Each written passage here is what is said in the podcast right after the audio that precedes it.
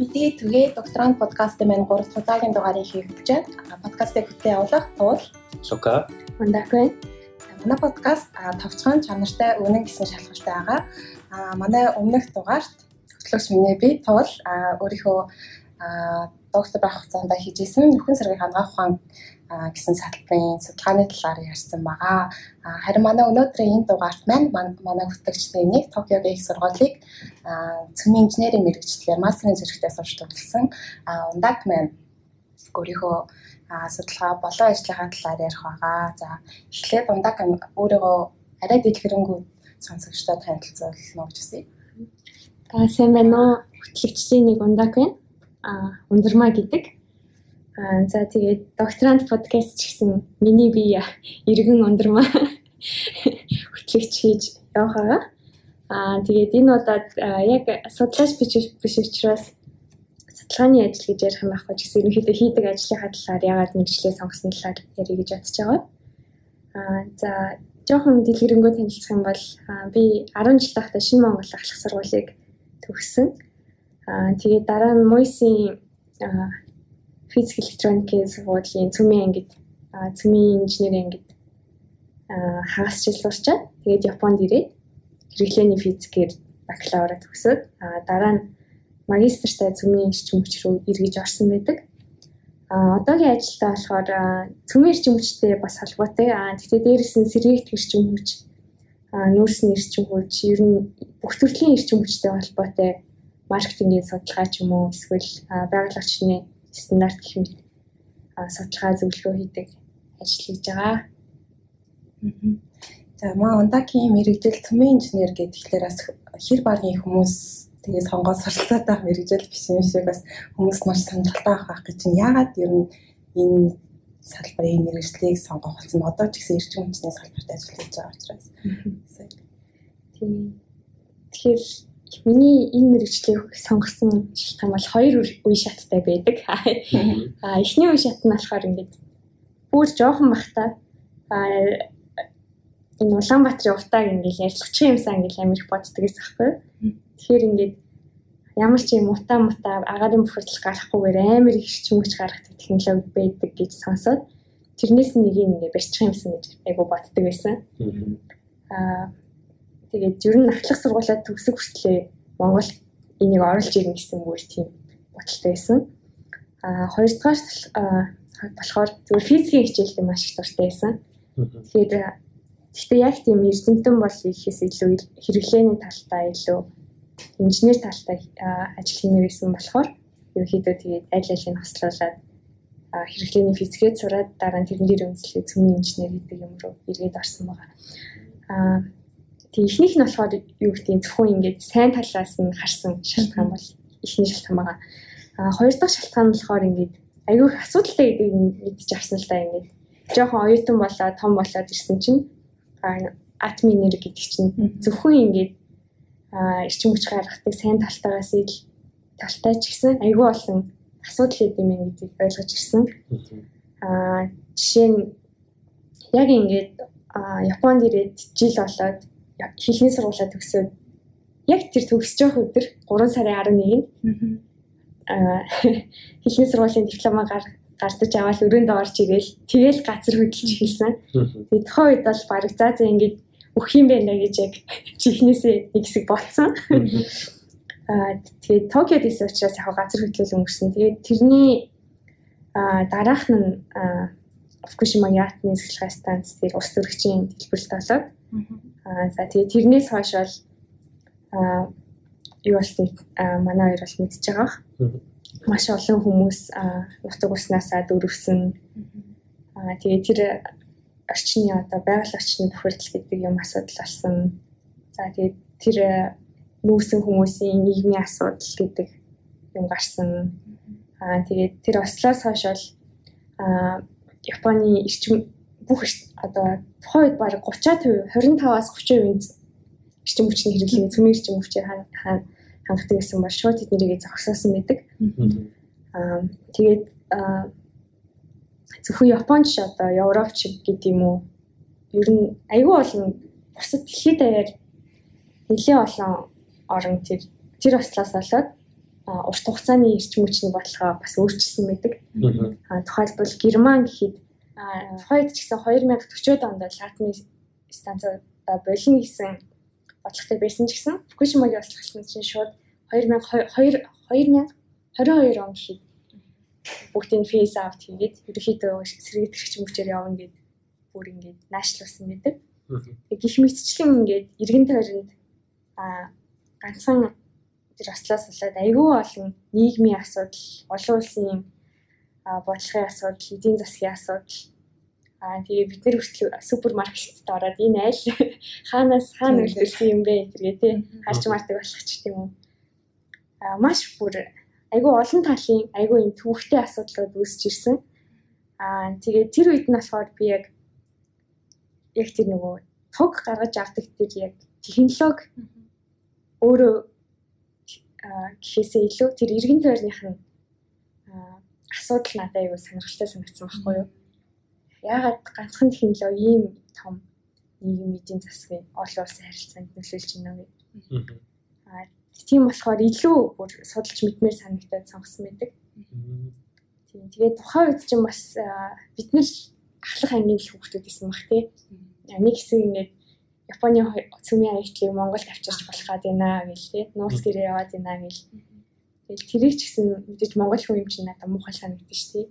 Гэхдээ ингээд нэгдүгээр үнэхээр тэр юм нь тий бодиттой юм уугүй юу гэдэг юм гэдэггүй. Хоёрдугаар үнэхээр тийм аюултай юм уу эсвэл айгүй юм уу ч гэдэг. Аль нь аль л мэдхгүйсэн учраас аа тодорхой хэмжээний ойлголттой болж иж эсэргүүцэгч вэ, дэмжигч вэ тэр юмны талаар би мэдэхгүй бол намайг хин сонсохгүй шүү дээ. Тийм болохоор ямар ч юм мэддэг болж авъя гэж бодоод юм сонгосон байдаг. А гэхдээ одоо яг амар мэддэг болох нь гэвэл бас үгүй л дээ. Ингээл сурах сурах тусан баг ингээ асуултууд л нэмэгдээд идэх юм. Тий. Тэгээд сая хэлсэн аюул олон шалтгаанаар ер нь энэ мэржлийг сурах гэж бодсон. Тийм тэгээд яг Фукушимагийн ослын дараа бол одоо Японд Японы оюутнууд дотор хүртэл энэ мэржлийг сонгодог хүмүүс амар багассан. Тийм тийм. Тийм. Тэгээ миний сурч ирсэн Токио их сургуулийн цөмийн инженерчлэл ба менежмент гэдэг факультетд бол 30% нь гадаад оюутнууд байсан. Тэгэхээр ерөнхийдөө жоохон ингээд эсрэгүү гэх юм уу. Тэрийг сонгодог хүмүүс багасч яхад зөрөө тэрийг сонгосон гэсэн жоохон сая тулын хэлснээр жоохон ховор ховор кейс болсон байдаг юм.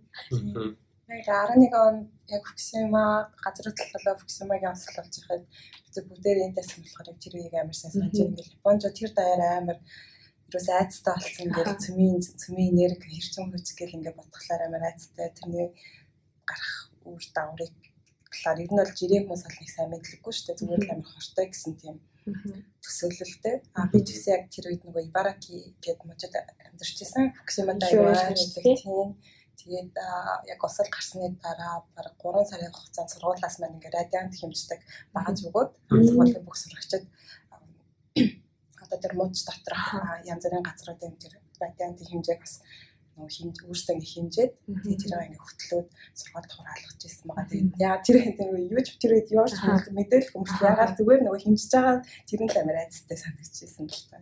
Ер нь хэмжих шаардлага байна гэдэг чинь өөрөө тий. Тийм тийм. 50 гэж ядахгүй шүү дээ. Тийм. Тийм манай эхний асуултанд айгүй дэлгэрэнгүй гоё хариуллаа баярлалаа. Аа тэгээ бас их багасаа бодиттой зорилго тавиад энэ салбарыг зорж ирээд тэгээ одоо энэ салбарт ажиллаж байгаа юм байна. Бахархмаар байна. Тэгээд бас нэг хэлчихээ хэлчих магтчих. За манай жишээ хоёрдугаар жишээг асуулт болох одоо энэ салбарт ажиллаж байгаа болохоор би тэр талаар асуу гэж бодож байна. Мөн бас мастертаа судалгаа хийжсэн байх гэж бодож байна. Мастертаа ямар судалгаа хийжсэн бэ? Одоо ажил дээр ямар ажил хийж байгаа агуулгыг хэрвээ нууц биш бол хийж болох хэмжээнд биднэрт хэлж өгөөч. Тийм за юу эхлээд магистрийн ажиллаа ярив. Аа сая хэлсэнчлэн нөгөө нэг олон улсын цэгийн хаягдл ч гэдэг юм уу нөгөө уран олборлохоос эхлээд түүш үйлдвэрлээд, эрчим хүч үйлдвэрлээд дараа нь хаягдлын боловсруулаад булшлах хүртэл тэр бүх процессыг нэг судал олон улсын хэмжээнд олон улс дундаа ингээд тойруулаа явуулдаг системийн талаар судлаа гэж бодоод аа нэг лабораторид орсон байсан байхгүй юу. Тэгсэн чинь тэр багш маань өөр улсын байгууллага руу шилжээд тэр лаборатори бүр байхгүй болоод тэгээд бодож ирснээс шал өөр багшийн дор өөр сэдвээр судалгаа хийгээд явсан мэт. Аа гэхдээ тэр нь яг тэр нь ч бас админ нэртэй холбоотой л доо. Аа гэхдээ миний яг тэр шинэ орсон багшийн судалгаа лаборатори болохоор зөвхөн админ нэр биш биш. Аа админ нэрийг оруулаад нийт ингээд эрчим хүчний микс, энержи микс гэх юм уу? хамгийн одоо зөв баланс нь ямар ах хэвээр гэдгийг юу симуляшн хийгээд компьютероор бодож харахдаг тийм олон төрлийн эрчим хүчний их үүсрүүдийн зохистой харьцааг нь бодож харах юм тийм. Аа жишээ нь ингээд одоо 100% бүх эрчим хүчийг нар салхиар гаргадаг болчвол аа технологи боломжтой байсан ч гэсэн ингээд айгүй их кост э, зарлалтай болоод тогны мөнгө амар өндөр болдог ч юм уу тийм эсвэл ингээд аюу тогтворгүй. Ингээл нар гарахаар тийм тийм ачаал нэгсэл. Цагаараас их хамааралтай байна. Тэгэхээр ингээд маш их батарей тий одоо хэрэглэнээс илүү гарсан ирчим хүч ингээд хөрөнгөлөх хандалт маш их батарей оруулж ирдэг ч юм уу. Нэг бол харин ирчим хүчээс зүгээр хэрэглэх үү хаях ч юм уу. Эсвэл а бүгдийн зүгээр сайхан нүүрс чатаагаар бүх хэрэгцээг хангачиллаа гэхээр нөгөө CO2 тий хөрвчлэгийн асар их гараад тэгэхээр чинь одоо бүх бүх улс орнууд тэрийг багасгах гад дэлхийн дурлалаар тэмцэн явж байгаа учраас а ялангуяа Япон энтрийн хувьд бол ингээд юу зэрлэг тогтоосон тэрийг биелүүлж чадахгүй. Жишээ нь 2030 он гэхэд 30% багасгаад 2050 он гэхэд 80% багасны зэрлэг тавьсан. Тэгэхээр тэрийг биелүүлж чадахгүй болно. Тэгээд тэр нүүрс хүчний хийг гаргах тэр дээд хэмжээ Аа дээрэс нь аль болох баг баг зардлаар эрчим хүчийг хангачмаар юм. Аа дээрэс нь яг тэр нэг эрчим тогчийн ингээд яг ус шиг ингээд урсж идэг учраас юм уу? Ингээд хэрэглээ. Эрчим хүчний demand supply хоёрын нэг тэнцэж явах болтолгүй. Хэрэглээний нөлөөтэй тэнцэхгүй бол тийм. Тийм тэрийг тэнцвэрлэхийн тулд ингээд аа ингээд эрчим хүчний хэрэглэж ингээл жишээ нь айл айлын гэр ах юм бол ингээд аа өглөө ингээд тийм офис ах юм бол тийм тэгээд тэрийг ингээд улсынхаа бүх хэрэгцээний тэр аа зохистой тэнцлийг нь болох юм шүү дээ. Тийм. Зохистой тэнцлийг нь олохын тулд бас а одоо яг нэг төрлийн эрчим хүчний хөөс ирэл хангачаар тэр нөгөө нэг хэрэглээний тэр деманд нь дээшээ дэше болохоор тэрийг ингээд дагж чадахгүй гэх юм уу. Тэгэж тэ тийм. Нэг нэг станц бол тод өөрийнхөө гарах хязгаар нь байгаа юм чинь тий. Өссөн үед тэрнээсээ давж чадахгүй болохоор орлуулах өөр нэг одоо дэмжих өөр их усэр хэрэгтэй байна тий.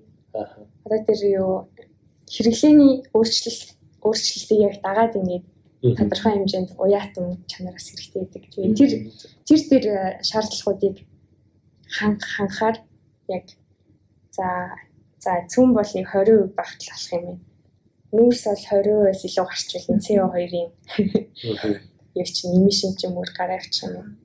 Аа гэхдээ үлдсэн үлдсэн бүгдийг ингээд эсрэгдэх ч юм уу болгочих яг болох юм байна мэн гэсэн тий.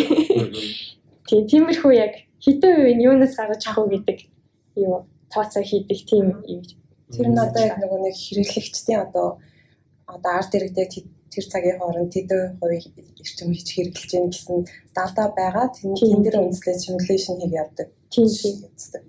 Тийм тэр хэрэглээг хангахын тулд аа ямар үед ямар эрчим хүчний үүсэлийг ажиллуулах вэ гэдэг. Одоо хийж байгаа ажилтай ч юм тэгвэл ойл дата юу гэдэг бас. Тийм одоо хийж байгаа ажил ч гэсэн ойлтаатай. Тэгээд Одоо нөгөө консалтингийн компани болохоор тэгэл төслөөсөө болол янз бүр юм хийдэг. Тийм.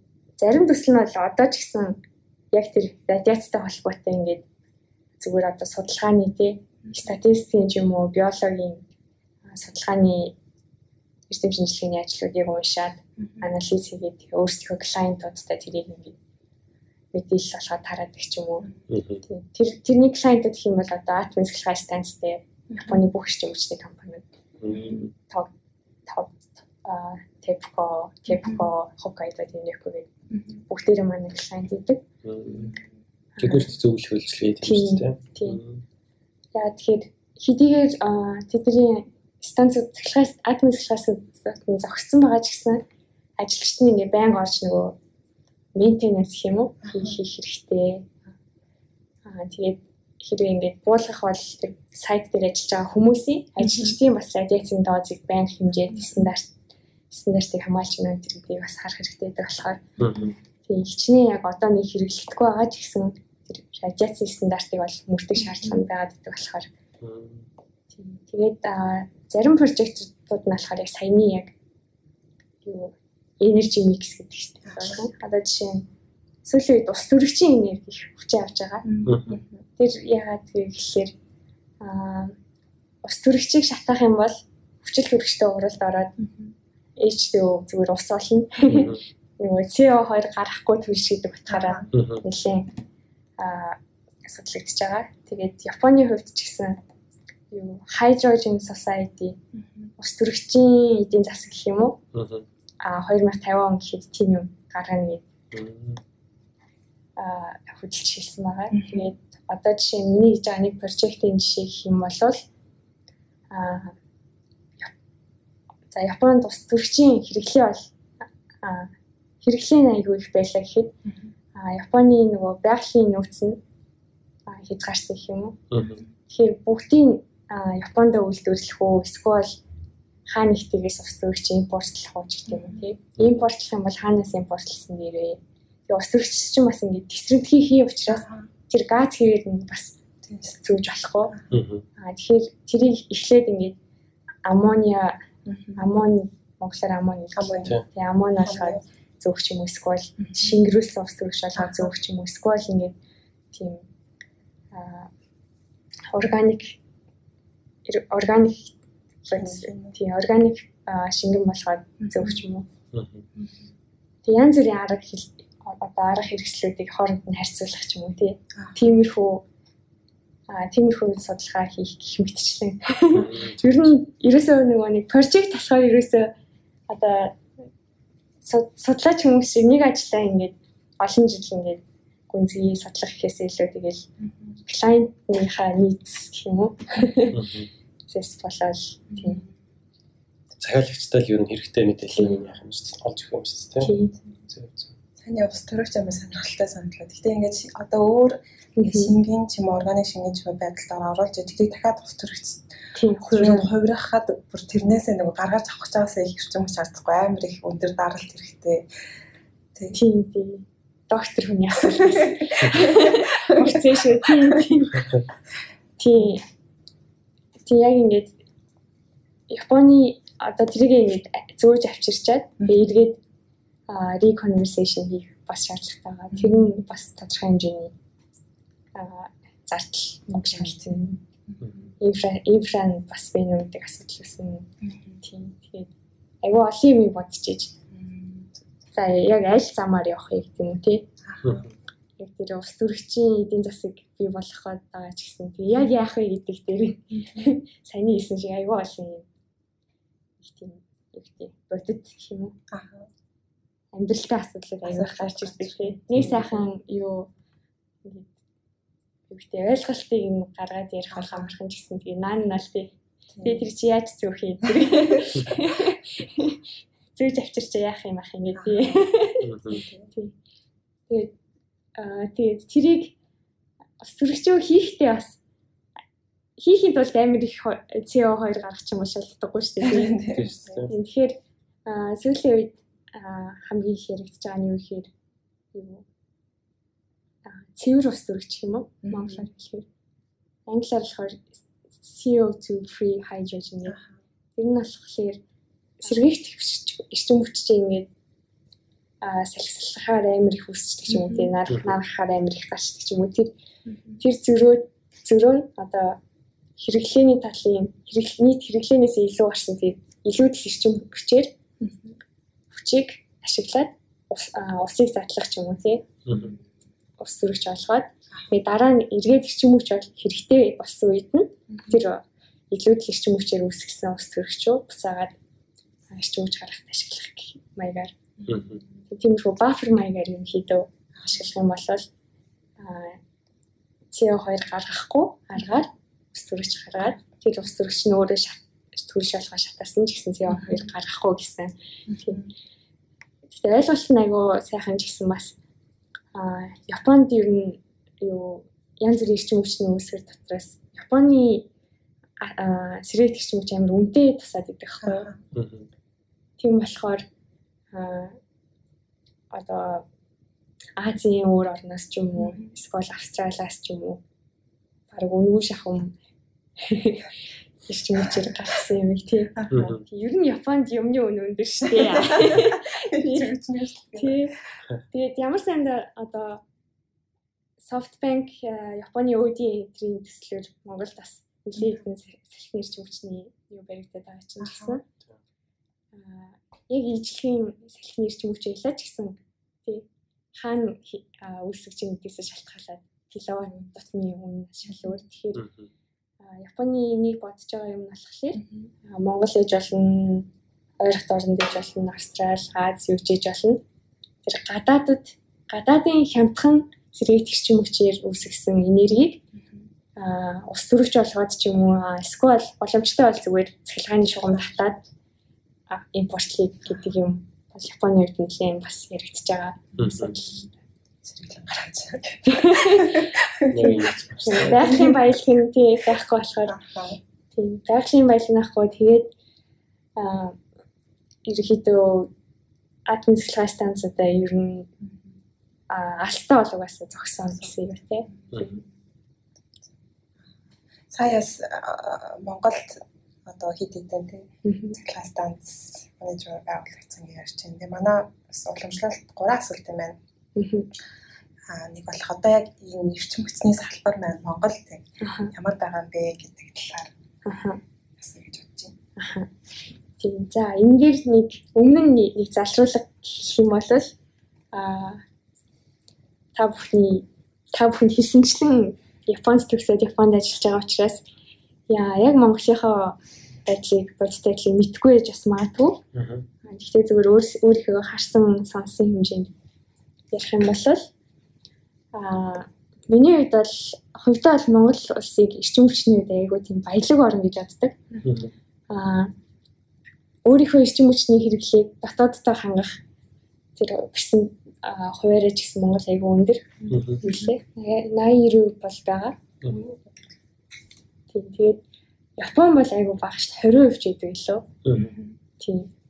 Тэр утгаараа л Монгол өөрийгөө хангаад зогсохгүй гадагшаага эрчим хүч экспортлооч боломжтой гэж боддог. Тэрс хүн ам зүг.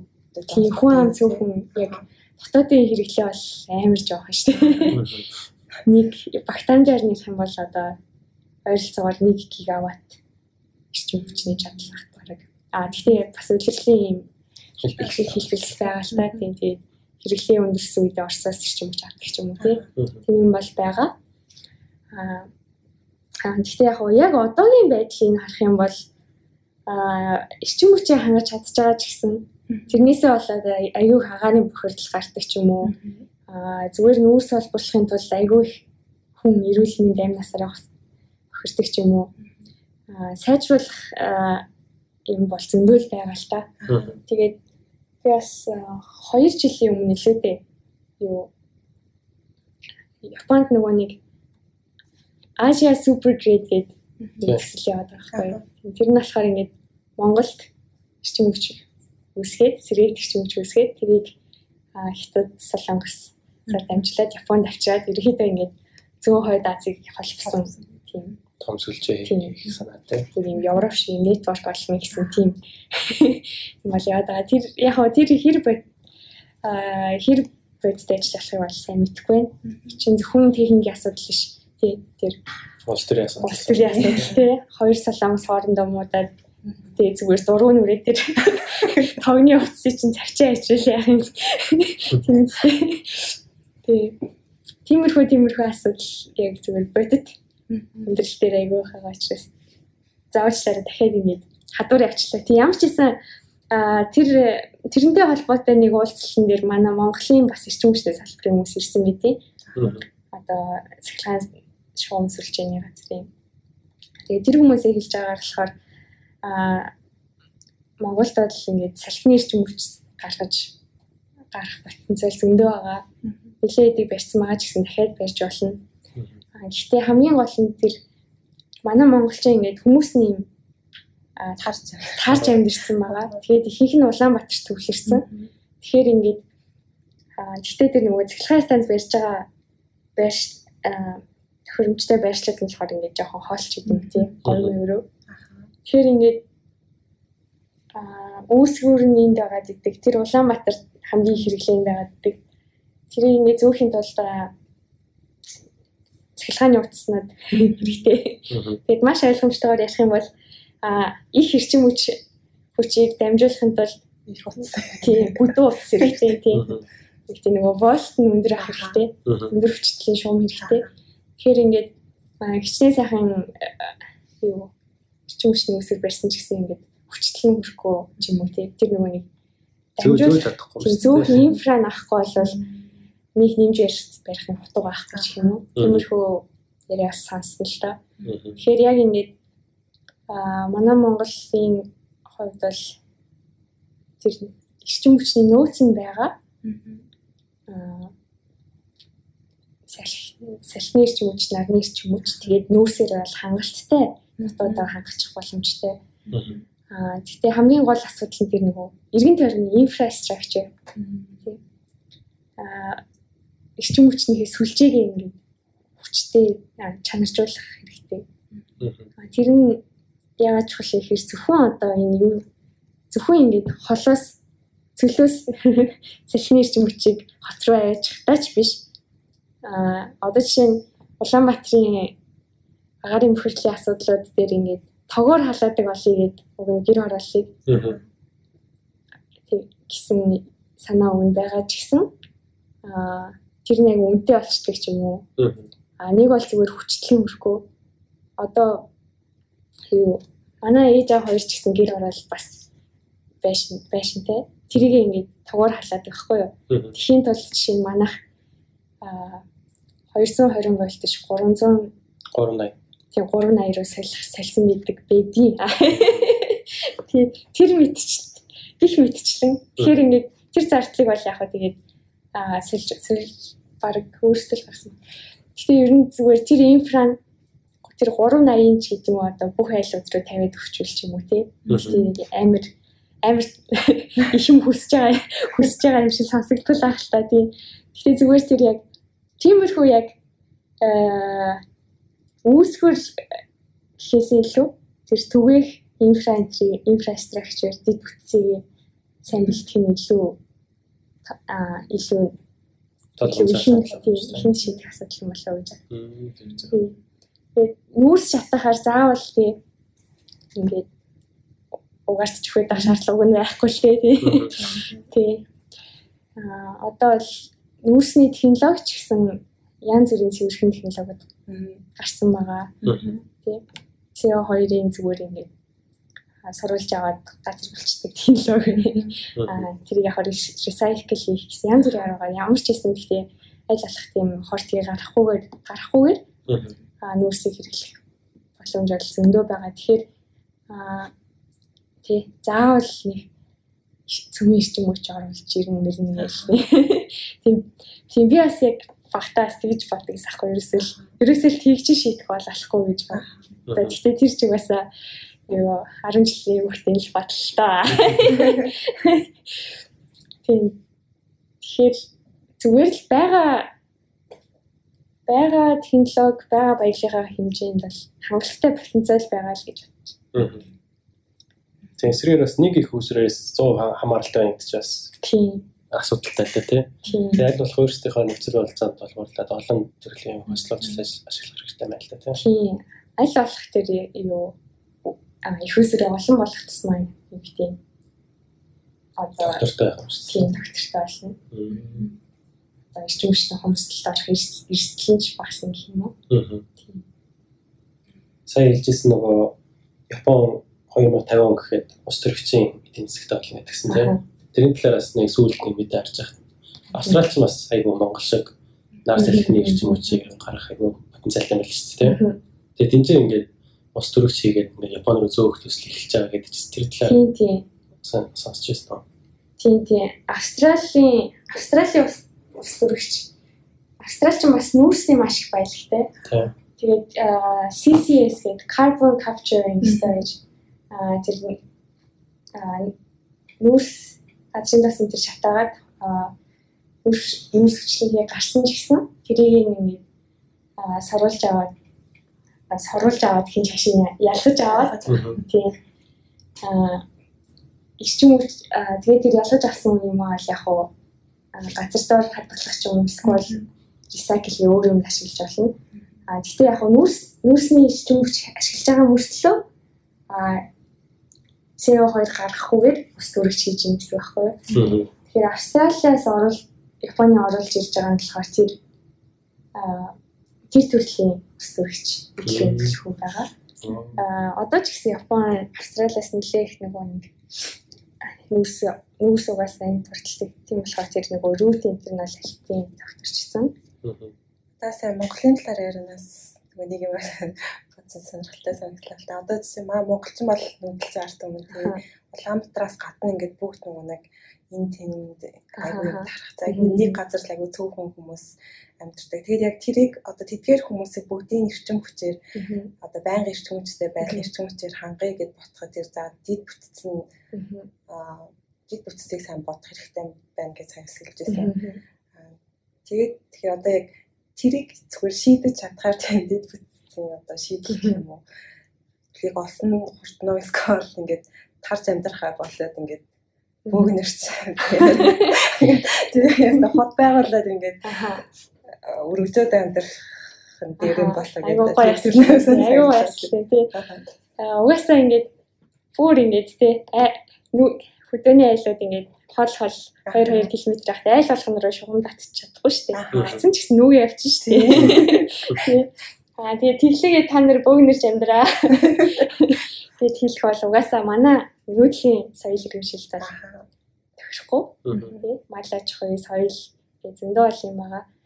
Аа тэгэхээр би сая хэлсэн шүү дээ Монголын юу бол нэлийн тийм нэг тийм үү биш гэж хүчин хүчний төвшин. Тэр нь бас ягаад юм гэхээр одоо ингээд одоо ингэж хөдөө явахаар те хөдөөний айл ингэж амар супер штэ.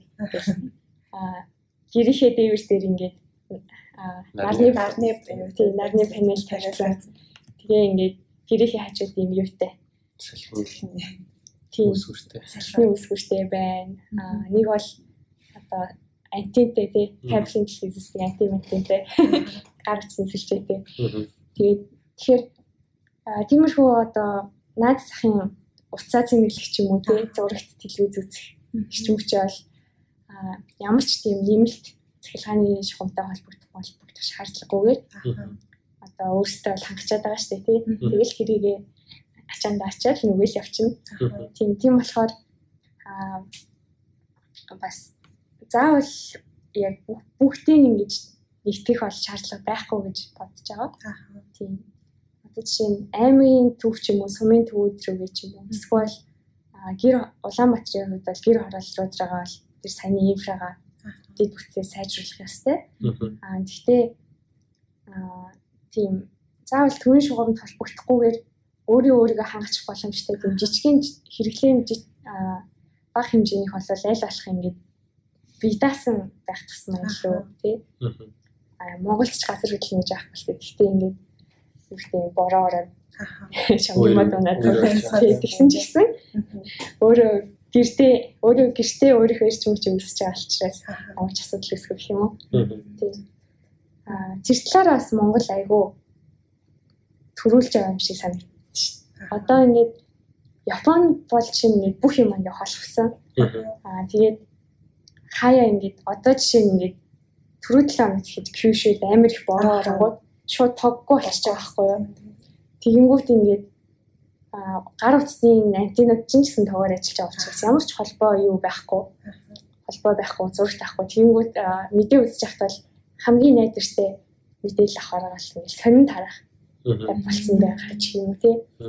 Тэгэхээр яг аа тиймэрхүү юмд илүү төсвөртэй дэсгэртэй гэдэг утгаараа ч гэсэн аа ер нь бол боломжтой бол тий. Аа Японоор бол чисан жишээ гэж хэлдэг. Өөрөө тэр газраа үйлдвэрлээ тэр газраа хэрэглэдэг байх юм бол хамгийн одоо тийм бие даасан систем болно. Аа тийм болохоор одооний нүүдлийн соёл иргэншилтэй одоо талхсан амьдрал амьдралтай а тархсан байршилтай газруудад л аль болох аль болох а тухайн газар газартаа өөрсдийн хэрэгжүүлэмжтэй хэрэглэгийг хангаа явуулж юм болно гэж хэлдэг. Одоо тэгээд аргал шатаах чинь ч гэсэн тэр чинь амар эгөөсөн. Тий амар эгөө тий. Тэр чинь нэг төрлийн л одоо сэргийгт. Тий. Дуусахгүй шүү дээ. Хүрэндээ өвсөө сайн өгөөлөө тэгэл аргал гарч ивэл нь шүү дээ. Айгу инженеэр хэлэхэд бол тий. Тэгээ ингээд зүгээр ингээд Монголын тэр аа малчтын амьдралыг батхаар ер нь дэлхий чинь ер нь ийшээл уг нь ингээд төсөөлөд байгаа юм баг энэ юм биш үү гэж заримдаа санагддаг байхгүй тий. Одоо ингээд Японч тэр Европч тэр ингээд био төрштэй био энержи гэж амар их сэргээх төрчмөчний нэг төрөл гэж бас авчицдаг ч гэсэн. Монгол тэр чи манай чи манай балчид хэлтийн тий. 2000 жилийн тий. Тэгээ бодоод үзэхээр ингээд аа яг тогоор ажиллахгүй бол болохгүй юмнуудаа бол ингээд тий наад захын тогны хэрэгцээг бол ингээд гэр дээрээ сайхан юу нарны юм тавьж гаргах чинь. Тэгээд дулаан мулаан хоол их нэг тий. Одоо хотод бол тэр чинь газ мазар гэдэг бол тий сайхан аргалаа тий. Тэгээ бодоод үзэхээр бүр амар төрүүлж аваад байгаа юм шиг санагдав Миний үед юм тийш санагдсан шүү дээ. Би ингээ бодсон ч тийм байна. Одоо ингээ амар технологи хөгжсөн. Япон гэл тэгэхээр хичнээн технологи байгаад яхаа бүгд холбогдсон. Ингээл нэг байгалийн гам шиг болоход ингээд буцаад нөгөө мэдээд өгөх гэж сонин сонин тарах гэдэг юм. Механик тийм шилжиж байгаа болохоор. Тэгэхээр Монголд яг юу юм бэ? Одоо нэг тийм нүд нүднээс нүд нүд сондог тэр амьдрал байгаа амарх одоо бас одоо ижлэхнэр нэг тийм явуулын эрчим хөөж гаргаж авах юмыг нь л илүү одоо илүү эрчим хөөж гаргаж авах боломжтой болохоор технологийн хөгжөөл илүү ашигтай юм байна тийм. Тийм. Одоо Японоор монголоор юу гэдэг юм болоо? Японоор бол нөгөө бүнсангата, англиар болохоор distributed гэдэг. Одоо тэр нэг юм том төвлөрсөн төвийн сүлжээгээр бүгдээрээ хангахдаг биш. Аа орон нутаг орон нутагтай тийм өөр өөрсдийн гэсэн жижигэн жижигэн одоо микро грид гэж ярьдаг шүү дээ тий. Юмтай болчвол илүү бие дасан болох юм шүү гэдэг юм бас их яригдчихэж байгаа. Тийм тэгэхээр саяны асуулт бол яг айгу гоё асуулт байлаа. Тэгэхээр аль аль нь хэрэгтэй тий. Аа төвлөрсөн газартаа төвлөр төвлөрсөн инфра бүтцээ сайжруулад аа тархсан газар л тэрний тохирсон шийдэл бол бас байгаа. Аль хэдийн бас манай Монголын малчид хэрэгжүүлж байгаа. Тийм. Ингээд Япон хүмүүс ч юм уу гадаад хүмүүс ингээд Монгол айлын юм зураг үзэхээр амар гайхдаг шүү дээ. Йоо ямар супер юм бэ. Тий. Ингээд гэр дээрээ тий нарны эрчим хүч гаргадаг панелтай тэгснэ ингээд сансрын антиментэн тий. Тэгснэ гадаад амар моцикл гэсэн энэ мотоциклаар ингээм мөрөө хураагаад ирдэм ирдэм гэл. Тэгэхээр ёо яа. Тийм би тэрүүгээр амир гайхаж дуртай гэдэг таахгүй. Тийм нөгөө эрчим хүчний талын хүн гэдэг утгаараа тэр дүр зургийг би бол хөвтэй амир дуртай. Яг өөртөө хэрэгтэй юм аа өөртөө ингээд жижиг арга тэндээ гаргаад авчиж байгаа гэхээр яг л хэвээр хамгийн эгогаар амьдчих. Тийм гэсэн байна. Тийм За тэгвэл ер нь эрчим хүчний салбар бол ийм дэлхийд даяар айгүй олон салж салаалаа айгүй олон төрлийн их усүр байгаа юм байна. Сүлжээн ч гэсэн шийдлэн ч гэсэн айгүй олон төрлөөр болж байгаа юм байна тийм. Ер нь бол ингээд тэгэхээр одоо одоо мэрэгчлээ сонгох гэж байгаа гэдэг юм уу эсвэл судалгаа хийж байгаа ч гэдэг юм. Тэгэх юм бол энэ салбарт орох юм бол ер нь ирээдүйн зах зээл бол нэлээд гэгээлэг байгаа юм байна тийм. гэж бодчих. Тийм. Ягаад тэгэхээр А одоо мэдээж мэдээллийн 900 мэдээллийн технологи, софтвер тэр мэрэгчлүүд бол гоё. А одоо ер нь улам тийм болох бах. улам их мэдээллээс хамааралтай болно. Аа гэхдээ нэг юм хамгийн чухал юм юу гэхээр тэр болгон чинь тогоор ажилланаа. Тэгэхээр тог нь илүү үү. Тэгэхээр Ажлын байр байх нь шүү дээ. Тий ажлын байрал байгаа шүү. Тий нэг сая хэлсэнчлэн ингээд тог тасарчил сонин тараан шүү гэдэг шиг тий. Тэг яг тэр нөгөө нэг за ус агааштай зөвлөх юм ч юм. Гэхдээ Тэгтээ тий үйлдвэрлэл хөтлөгч вэ зүгээр бид нэр компьютер асаагаад IT-ийн бизнесээ хийх ч эмнэлэгт байгаа өвчтнүүдийг тий амьсгалтай байлгах ч ер нь бүх юмд эрчим хүч хэрэгтэй Зайлшгүй дээр бичсэлтэй тий. тий ер нь зүгээр физикийн хуулиар ч гэсэн бүх юм энерги штэ гэдэг а бүр амар дипрэ явчихгүй тий. Бакалавр юм гарч ирж байгаа. тэгэхээр ер нь энерги тэгээд эрчим хүч бол зүгээр л энергийн хэлбэр штэ тий. Гэдэг юм зүгээр л юм машин технологи жагаад цагтаа. Энерги өрсөлдөх нэг дип дипрэ тэгтээ тэг ер нь бол айгүй сонирхолтой болж ирж байгаа. Аа тэгээд аа сүүлийн үед ингээд одоо блокчейн ашиглаад аа, миний хэрэглэж байгаа эрчим хүч одоо хаанаас ирж байна гэдгийг бас ингээд аа virtually тодорхой хэмжээнд бас трейсинг хийдэг аа систем. Юм. Тийм. Тийм. Аа бүх юу а бүх газар бол болохгүй л дээ. Гэхдээ тийм юм тийм үйлчлэгээ үзүүлдэг компани компани бол гарсан байгаа. Жишээ нь Японд Миннанодын Миннадын Япон тэрэг Тэгэхээр сэргээлэх юм хүчээр би уцаа зэмлэх байна гэж би бодох юм бол тэр тэр компани үйлчлэгийг ашиглаад за би энэ газар энэ энэ энэ нутагт үйлдвэрлэсэн аа, энэ энэ тогноос авъя гэдэг. Гэтэ яг захиалжуулд юм. тийм яг тийж бас болно. Гэтэ яг уу яг яг тийм үг гэвэл мэдхгүй л дээ. Тэр чинь угаасаа тэгээд аа эрчим хүчтэй сүлжээ дотор баахан электронууд ингээд ажилладаг тий. Яг аль электрон хаана гарч ирсэн би мэдгүй шүү дээ. Гэхдээ яг уу ингээд ядаж нөгөө virtually тиймэрхүү юм бас боломжтой болсон. Тэр чинь бас нэг төрлийн аюу сонирхолтой бизнес байгаа хэрэг тий. Тэгэхээр IT тог а биш эрчим хүч IT ер нь бүх юм хоорондоо улам тийм холбоотой болж ирэх юм болов гэж харж байгаа. Тийм болохоор аа ер нь ирээдүйд илүү сонирхолтой л болох байх гэж бодож байна. Бодолцоод үзээрэй. Мэргэжлээ сонгож байгаа дүүнер минь ээ.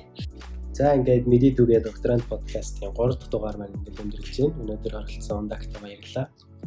Эрчим хүчийн энергийн салбарын талаар маш сонирхолтой яриа өгнөлээ. Тэгээд аа, ташрамд ортод өнөөдөр 7 сарын 11 буюу наадам байгаа. Тэгээд энийг сонсож байгаа хүмүүс маань аа, наадам өнгөрсөн байх байсан ч гэсэн баярын өдөр гиа. Сайхан надаарай. Сайхан надаарай.